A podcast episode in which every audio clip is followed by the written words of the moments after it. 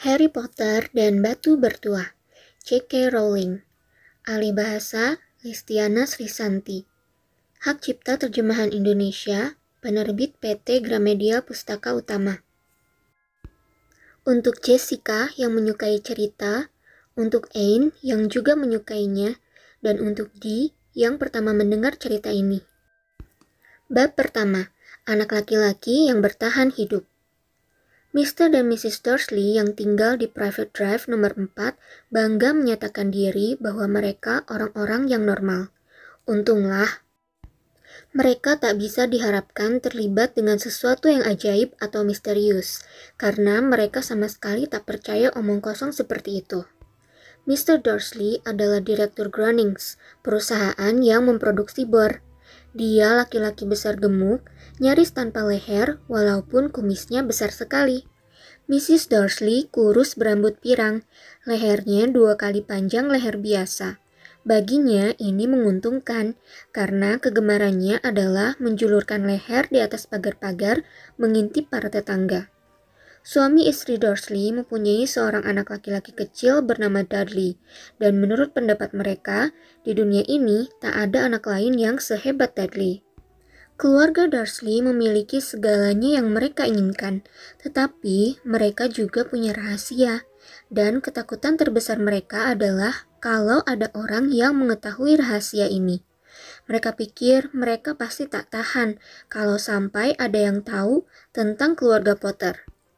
Mrs. Potter adalah adik Mrs. Dursley, tetapi sudah bertahun-tahun mereka tidak bertemu. Mrs. Dursley malah berpura-pura tidak punya adik, karena adiknya dan suaminya yang tak berguna itu tak layak sama sekali menjadi kerabat keluarga Dursley. Mr. dan Mrs. Dursley bergidik memikirkan apa kata tetangga mereka jika keluarga Potter muncul di jalan mereka. Keluarga Dursley tahu bahwa keluarga Potter juga punya seorang anak laki-laki kecil, tetapi mereka belum pernah melihatnya. Anak ini salah satu alasan bagus lain kenapa mereka tak mau dekat-dekat keluarga Potter. Mereka tak ingin Dudley bergaul dengan anak seperti itu. Ketika Mr. dan Mrs. Dursley bangun pada hari Selasa pagi yang mendung saat cerita kita ini mulai, tak ada tanda-tanda di langit berawan di luar bahwa akan terjadi hal-hal misterius dan aneh di seluruh negeri. Mr. Dursley bersenandung ketika dia mengambil dasinya yang sangat membosankan untuk dipakainya bekerja, dan Mrs. Dursley bergosip riang seraya berkutat dengan Dudley yang menjerit-jerit dan mendudukan anak itu di kursinya yang tinggi. Tak seorang pun dari mereka melihat seekor burung hantu besar kuning kecoklatan terbang melintasi jendela. Pukul setengah sembilan, Mr. Dursley memungut tas kerjanya, mengecup pipi Mrs. Dursley, dan mencoba mengecup Dudley, tapi gagal sebab sekarang Dudley ngadat dan melempar-lempar serealnya ke dinding. Dasar anak-anak, senyum Mr. Dursley sambil masuk ke mobilnya dan memundurkannya keluar dari garasi rumah nomor 4.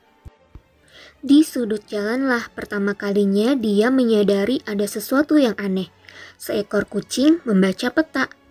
Sekejap, Mr. Dursley tidak menyadari apa yang telah dilihatnya. Kemudian dia menoleh untuk melihat sekali lagi. Ada kucing betina berdiri di ujung jalan private drive, tapi sama sekali tak kelihatan ada peta. Rupanya tadi cuma khayalannya, pasti itu tipuan cahaya. Mr. Dursley mengejapkan mata dan memandang kucing itu. Si kucing balas memandangnya. Saat Mr. Dursley berbelok di sudut dan meneruskan perjalanan, dia memandang kucing itu lewat kaca spionnya. Kucing itu sekarang sedang membaca papan jalan yang bertulisan private drive. Bukan, bukan membaca, melainkan memandang papan jalan itu. Kucing tidak bisa membaca peta atau papan jalan. Mr. Dursley menggelengkan kepalanya dan mencoba melupakan kucing itu. Selama mengendarai mobilnya ke kota, yang dipikirkannya hanyalah pesanan bor dalam jumlah besar yang akan didapatnya hari itu. Tetapi menjelang masuk kota, bor tergusur keluar dari pikirannya oleh sesuatu yang lain. Sementara terjebak macet seperti biasa, dia melihat banyak orang berpakaian aneh. Orang-orang yang memakai jubah, Mr. Dursley tak tahan melihat orang yang berpakaian aneh-aneh, dan dandan anak-anak muda zaman sekarang. Dia kira jubah blonde ini sedang mode. Dia mengetuk-ngetukkan jarinya pada kemudi mobil dan matanya menatap serombongan orang aneh yang berdiri cukup dekat. Mereka sedang berbisik-bisik dengan tegang. Mr. Dursley sebal sekali melihat bahwa dua di antara mereka sama sekali tidak muda lagi. Yang pakai jubah hijau zamrud itu bahkan lebih tua dari dia. Kelewatan benar. Tetapi kemudian terlintas di benaknya bahwa mereka mungkin sengaja berdandan seperti itu. Mereka pastilah sedang mengumpulkan dana entah untuk apa. Ya, pasti begitu. Kendaraan-kendaraan mulai bergerak dan beberapa menit kemudian Mr. Dursley tiba di tempat parkir Grunnings. Pikirannya kembali dipenuhi bor. Mr. Dursley selalu duduk membelakangi jendela di kantornya di lantai 9. Jika tidak, mungkin sulit baginya untuk berkonsentrasi pada bor pagi itu. Dia tidak melihat burung-burung hantu terbang berseliweran di siang hari, meskipun orang-orang lain di jalan melihatnya. Orang-orang itu melongo dan menunjuk-nunjuk ketika burung-burung hantu tak putus-putusnya berterbangan. Sebagian besar dari mereka belum pernah melihat burung hantu di malam hari sekalipun. Tetapi Mr. Dursley melewatkan pagi yang normal tanpa gangguan burung hantu. Dia berteriak pada lima orang yang berbeda. Dia melakukan beberapa pembicaraan telepon penting dan berteriak beberapa kali lagi. Hatinya sedang senang sampai waktu makan siang ketika dia memutuskan akan melemaskan kaki dan berjalan ke toko kue di seberang jalan. Dia sudah lupa sama sekali pada orang-orang berjubah sampai dia melewati serombongan lagi di sebelah toko kue. Dia mendelik gusar kepada mereka. Dia tidak tahu kenapa, tetapi mereka membuatnya resah.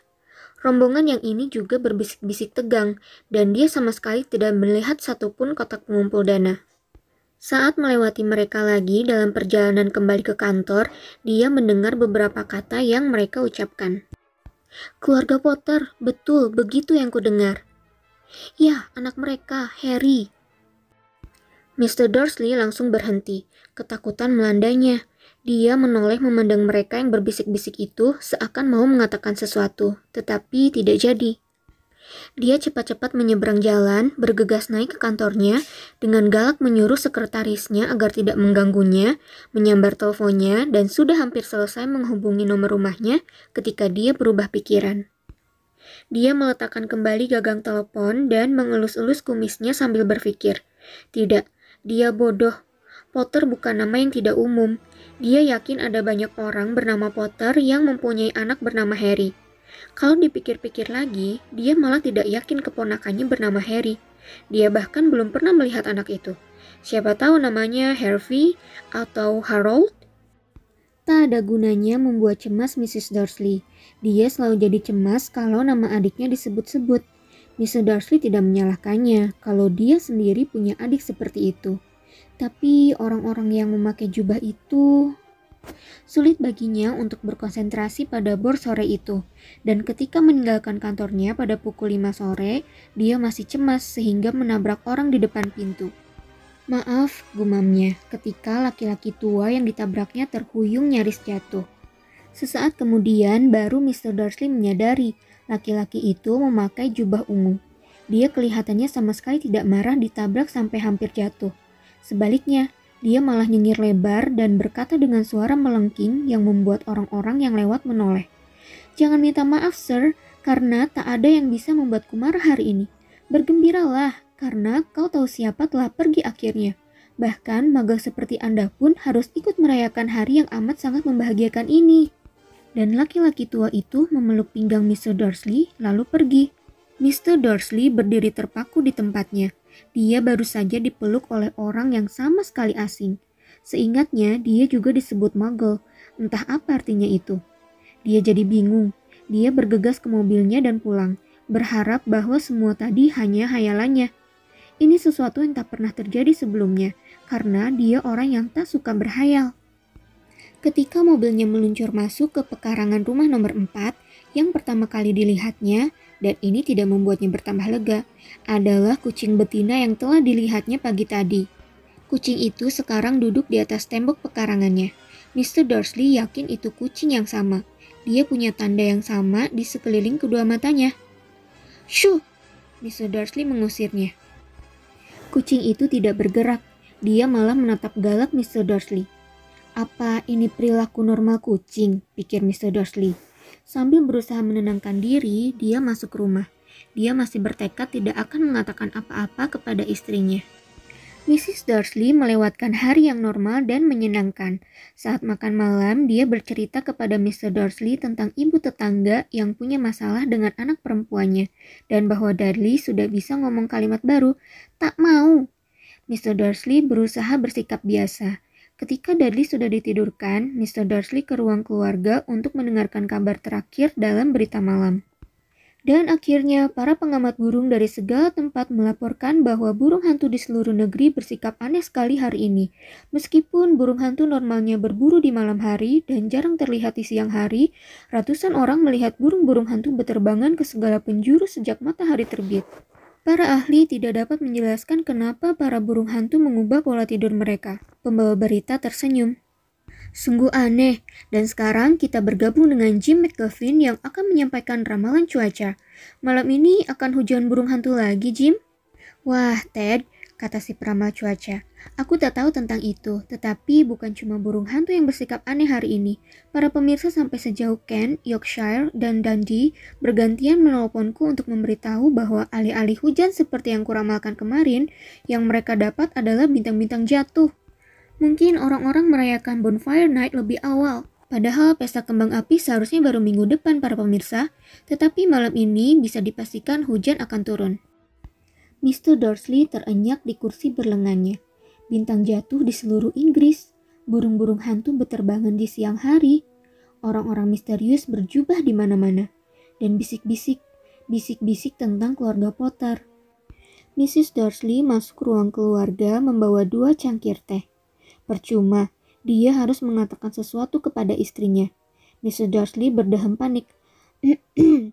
Petunia sayang, Belakangan ini ada kabar apa dari adikmu? Seperti dugaannya, Mrs. Dursley kelihatan kaget dan marah. Ya, biasanya kan mereka berpura-pura dia tidak punya adik. Tidak ada, jawabnya ketus. Memangnya kenapa? Ada berita aneh tadi, gumam Mr. Dursley. Burung hantu, bintang jatuh, dan ada banyak orang bertampang aneh di jalan hari ini. Jadi, tukas Mrs. Dursley. Ya, aku cuma berpikir, Mungkin ada kaitannya dengan, kau tahu kan, kelompoknya. Mrs. Dursley menyeruput tehnya dengan bibir cemberut. Mr. Dursley mempertimbangkan, beranikah dia memberitahu istrinya bahwa dia telah mendengar nama Potter disebut-sebut? Dia memutuskan tidak berani saja. Sebagai gantinya, dia berkata sebiasa mungkin. Anak mereka seumuran Dudley kan? Kayaknya sih, kata Mrs. Dursley kaku. Siapa ya namanya? Howard kan? Harry. Nama jelek dan kodian menurutku. Oh ya, kata Mr. Dursley. Hatinya mencelos. Ya, aku setuju. Dia tak lagi menyinggung-nyinggung masalah itu ketika mereka naik ke kamar tidur. Sementara Mrs. Dursley di kamar mandi, Mr. Dursley merayap ke jendela kamar dan mengintip ke halaman depan. Kucing itu masih ada. Dia sedang menatap ke jalanan, seakan menunggu sesuatu. Apakah ini hanya khayalannya? Mungkinkah semua ini ada hubungannya dengan keluarga Potter? Kalau betul begitu, kalau sampai bocor bahwa mereka masih kerabat pasangan, wah, dia tak akan tahan. Suami istri Dursley naik ke tempat tidur. Mrs. Dursley segera tidur, tetapi Mr. Dursley tidak. Dia memikirkan segala kemungkinan. Pikiran terakhir dan menenangkan sebelum dia tertidur adalah Seandainya pun keluarga Potter memang terlibat, tak ada alasan bagi mereka untuk datang ke tempat keluarga Dursley. Mereka tahu bagaimana pendapat dirinya dan Mrs. Dursley mengenai mereka dan jenis mereka. Mr. Dursley tak melihat bagaimana dia dan Petunia bisa terlibat dengan entah apa yang sedang berlangsung ini. Dia menguap dan berbalik. Semua itu tak akan mempengaruhi mereka. Betapa kelirunya dia. Mr. Dursley mungkin saja bisa tidur, walau tak nyenyak. Tetapi kucing di atas tembok di luar sana sama sekali tak menunjukkan tanda-tanda mengantuk. Dia duduk diam bagai patung, matanya memandang tanpa kedip ke sudut private drive di kejauhan. Ketika ada pintu mobil digabrukan di jalan sebelah, dia tetap bergeming. Begitu juga ketika ada dua burung hantu melayang di atasnya. Kucing itu baru bergerak menjelang tengah malam. Seorang laki-laki muncul di sudut yang diawasi si kucing. Kemunculannya begitu mendadak dan tanpa suara sehingga kau akan mengira dia muncul begitu saja dari dalam tanah. Ekor si kucing bergerak dan matanya menyipit. Belum pernah ada orang semacam ini di private drive.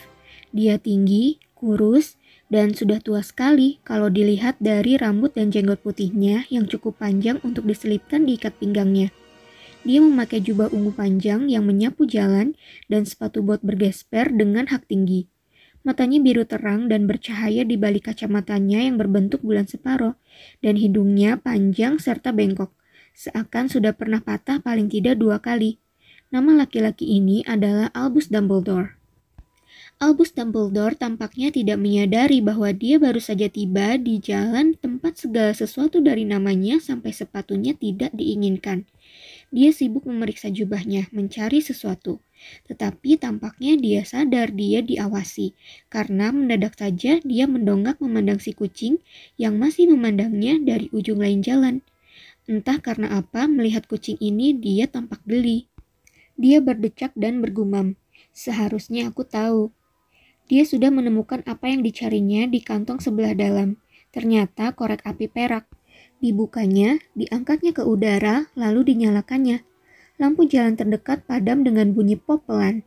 Dinyalakannya lagi, lampu berikutnya ikut padam. Dua belas kali ia menyalakan pemadam lampu, sampai cahaya yang tinggal hanyalah dua sorot kecil mungil di kejauhan, yaitu mata si kucing yang mengawasinya. Jika ada orang yang melongok keluar dari jendela sekarang, bahkan si mata tajam Mrs. Dursley pun tidak akan melihat apa yang sedang terjadi di trotoar. Dumbledore menyelipkan pemadam lampu ke dalam jubahnya lagi dan berjalan menuju rumah nomor 4. Setiba di sana, dia duduk di sebelah si kucing. Dumbledore tidak memandangnya, tetapi setelah beberapa saat dia mengajaknya bicara. Tadi sangka kita bertemu di sini ya, Profesor McGonagall. Dia menoleh untuk tersenyum pada si kucing betina, tetapi kucing itu sudah tidak ada. Alih-alih kucing, dia tersenyum pada wanita bertampang agak galak yang memakai kacamata persegi, persis bentuk yang melingkari mata si kucing. Wanita itu juga memakai jubah warnanya hijau zamrud. Rambut hitamnya digelung ketat. Dia kelihatan bingung. Bagaimana kau bisa tahu kucing itu aku? Tanyanya. Profesorku, belum pernah aku melihat kucing yang duduk begitu kaku. Kau pun akan kaku kalau sudah duduk di tembok bata seharian, kata Profesor McGonagall. Seharian? Padahal seharusnya kau bisa merayakan hari gembira ini. Aku melewati paling tidak selusin pesta dan perayaan dalam perjalanan kemari. Profesor McGonagall mendengus marah. Oh iya, semua merayakan, katanya tak sabar. Kau pikir mereka akan lebih hati-hati, tetapi tidak. Bahkan para magel pun merasa ada sesuatu yang sedang terjadi. Itu disiarkan di warta berita mereka. Dia mengedikan kepalanya ke arah jendela ruang keluarga Dursley yang gelap. Aku mendengarnya, rombongan burung hantu, bintang jatuh. Nah, mereka kan tidak bego. Keanehan ini menarik perhatian mereka. Bintang jatuh di Kent. Aku berani bertaruh itu Daedalus Diggle. Dari dulu dia kurang perhitungan. Kau tak bisa menyalahkan mereka, kata Dumbledore lembut. Tak ada yang benar-benar bisa kita rayakan selama 11 tahun ini. Aku tahu, kata Profesor McGonagall jengkel. Tapi itu bukan alasan bagi kita untuk lupa diri. Orang-orang ceroboh sekali, berkeliaran di jalan di siang bolong, bahkan tidak memakai pakaian magel, bertukar gosip. Dia melirik tajam Dumbledore seakan berharap Dumbledore akan memberitahunya sesuatu. Tetapi ternyata tidak, maka dia meneruskan. Bagus sekali jika pada hari kau tahu siapa akhirnya menghilang, bangsa magel akhirnya juga tahu tentang kita. Kira-kira dia betul sudah pergi, Dumbledore? Kelihatannya begitu, kata Dumbledore. Banyak yang harus kita syukuri. Kau mau permen jeruk? Apa? Permen jeruk? Permen magel yang kusukai. Tidak, terima kasih, kata Profesor McGonagall dingin, seakan menurut dia ini bukan saatnya untuk makan permen jeruk. Seperti kukatakan, bahkan jika kau tahu siapa sudah pergi, Profesorku yang baik, tentunya orang bijaksana seperti kau bisa menyebut namanya. Segala omong kosong kau tahu siapa. Sebelas tahun aku sudah berusaha membujuk orang-orang agar menyebutnya dengan namanya yang sebenarnya. Voldemort. Profesor McGonagall bercengit, tetapi Dumbledore yang sedang membuka bungkus dua permen jeruk kelihatannya tidak tahu.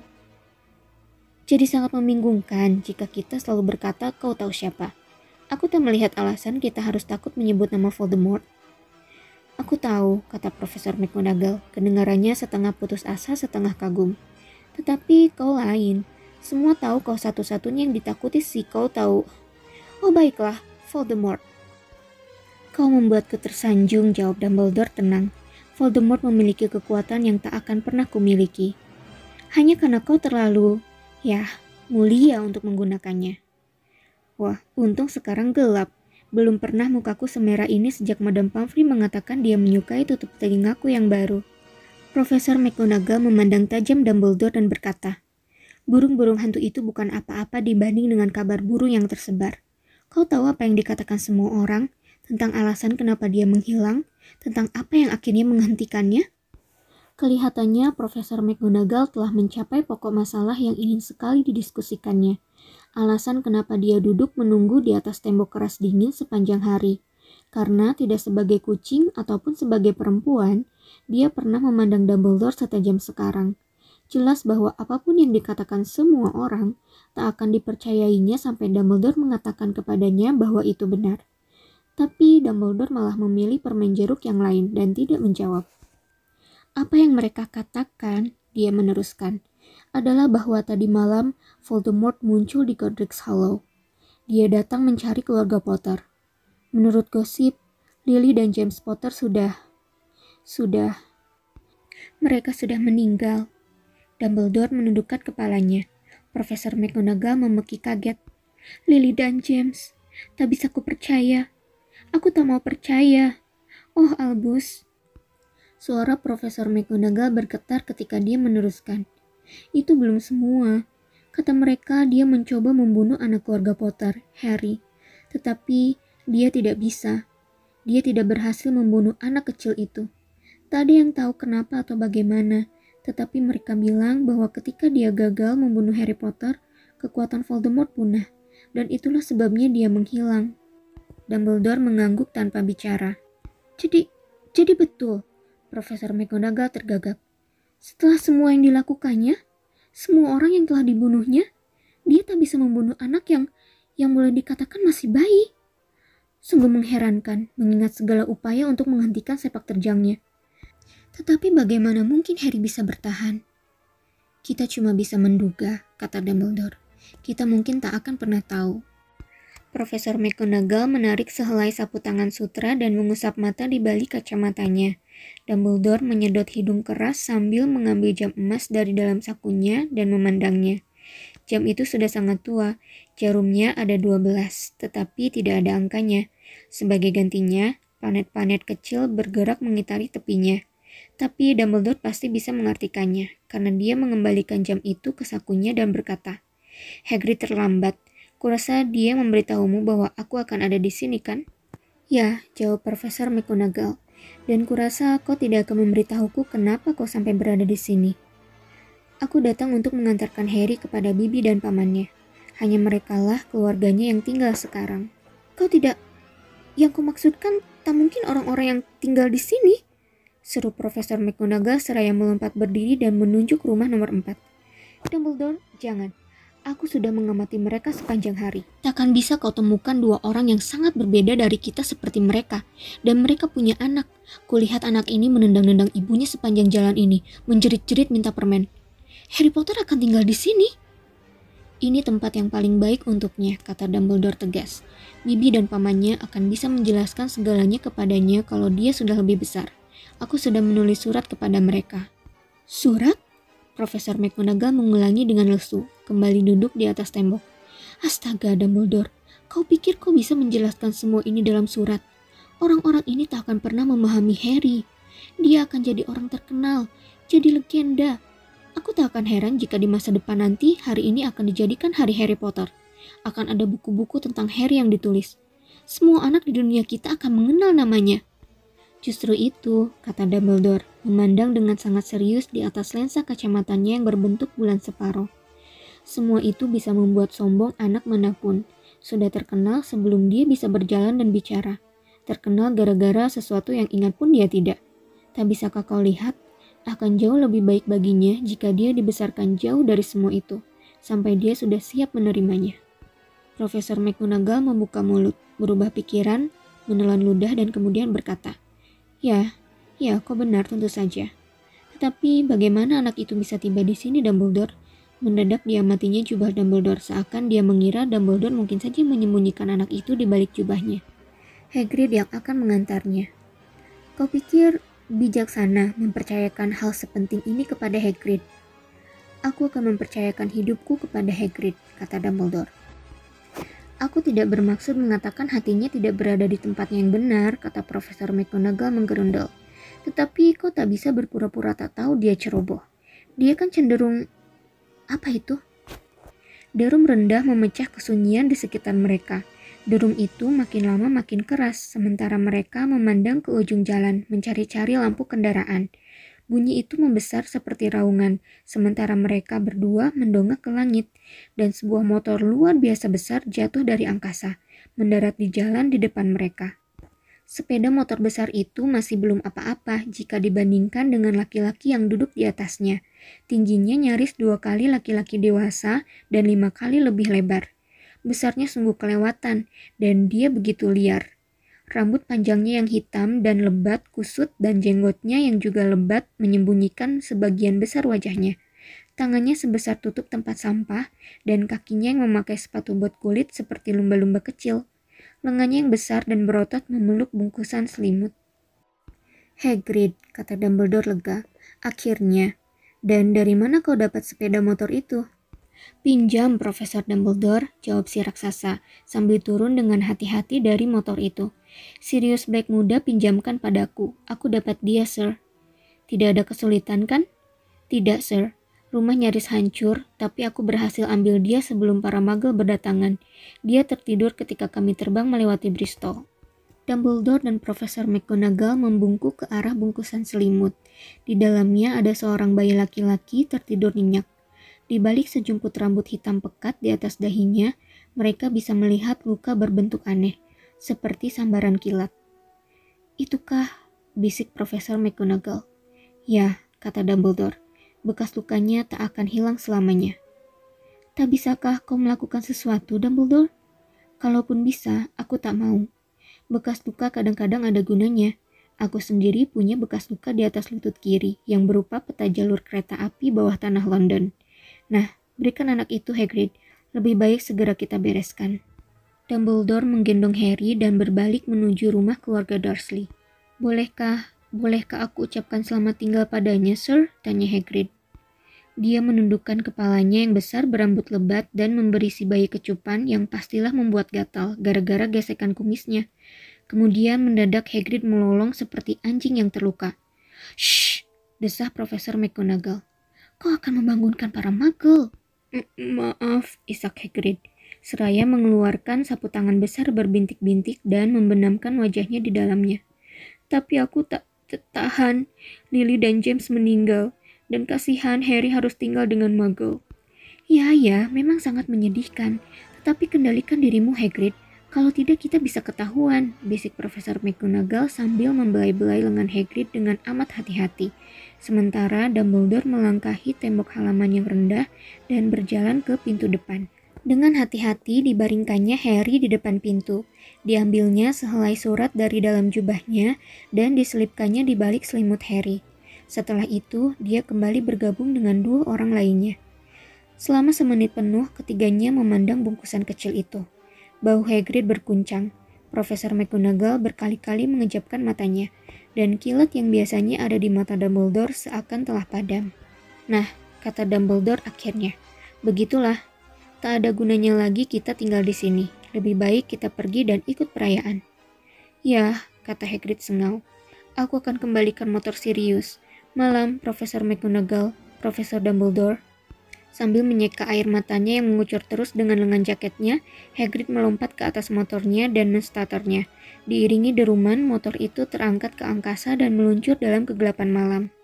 Kita akan segera bertemu lagi, Profesor McGonagall, kata Dumbledore sambil mengangguk kepadanya. Sebagai jawaban, Profesor McGonagall membuang ingus. Dumbledore berbalik dan berjalan pergi. Di sudut, dia berhenti dan mengeluarkan pemadam lampu peraknya. Dijetreknya sekali, dan 12 bola cahaya serentak meluncur menuju lampu-lampu jalanan, sehingga private drive mendadak terang dan dia bisa melihat seekor kucing betina menyelinap ke sudut di ujung jalan lainnya. Dia juga masih bisa melihat bungkusan selimut di depan pintu rumah nomor 4. Semoga semua baik, Harry, gumamnya. Dia memutar tumitnya dan dengan kebutan jubahnya, dia lenyap. Angin sepoi meniup pagar-pagar tanaman di private drive yang rapi, yang berjajar diam dan teratur di bawah langit kelam. Di tempat setenang ini, tidak akan pernah kau sangka akan terjadi hal-hal menakjubkan. Harry Potter berguling dalam selimutnya tanpa terbangun. Dengan salah satu tangan kecilnya memegang surat yang ada di sampingnya, dia tidur terus, tanpa menyadari bahwa dia istimewa, tanpa menyadari bahwa dia terkenal, tanpa menyadari bahwa beberapa jam lagi dia akan terbangun mendengar jeritan Mrs. Dursley saat membuka pintu depan untuk menaruh botol-botol susu, atau bahwa dia akan melewatkan beberapa minggu mendatang didorong-dorong dan dicubiti oleh sepupunya Dudley. Dia tak mungkin tahu bahwa pada saat itu Orang-orang yang berkumpul secara rahasia di seluruh negeri semua mengangkat gelas dan berkata dengan suara pelan, "Untuk Harry Potter, anak laki-laki yang bertahan hidup."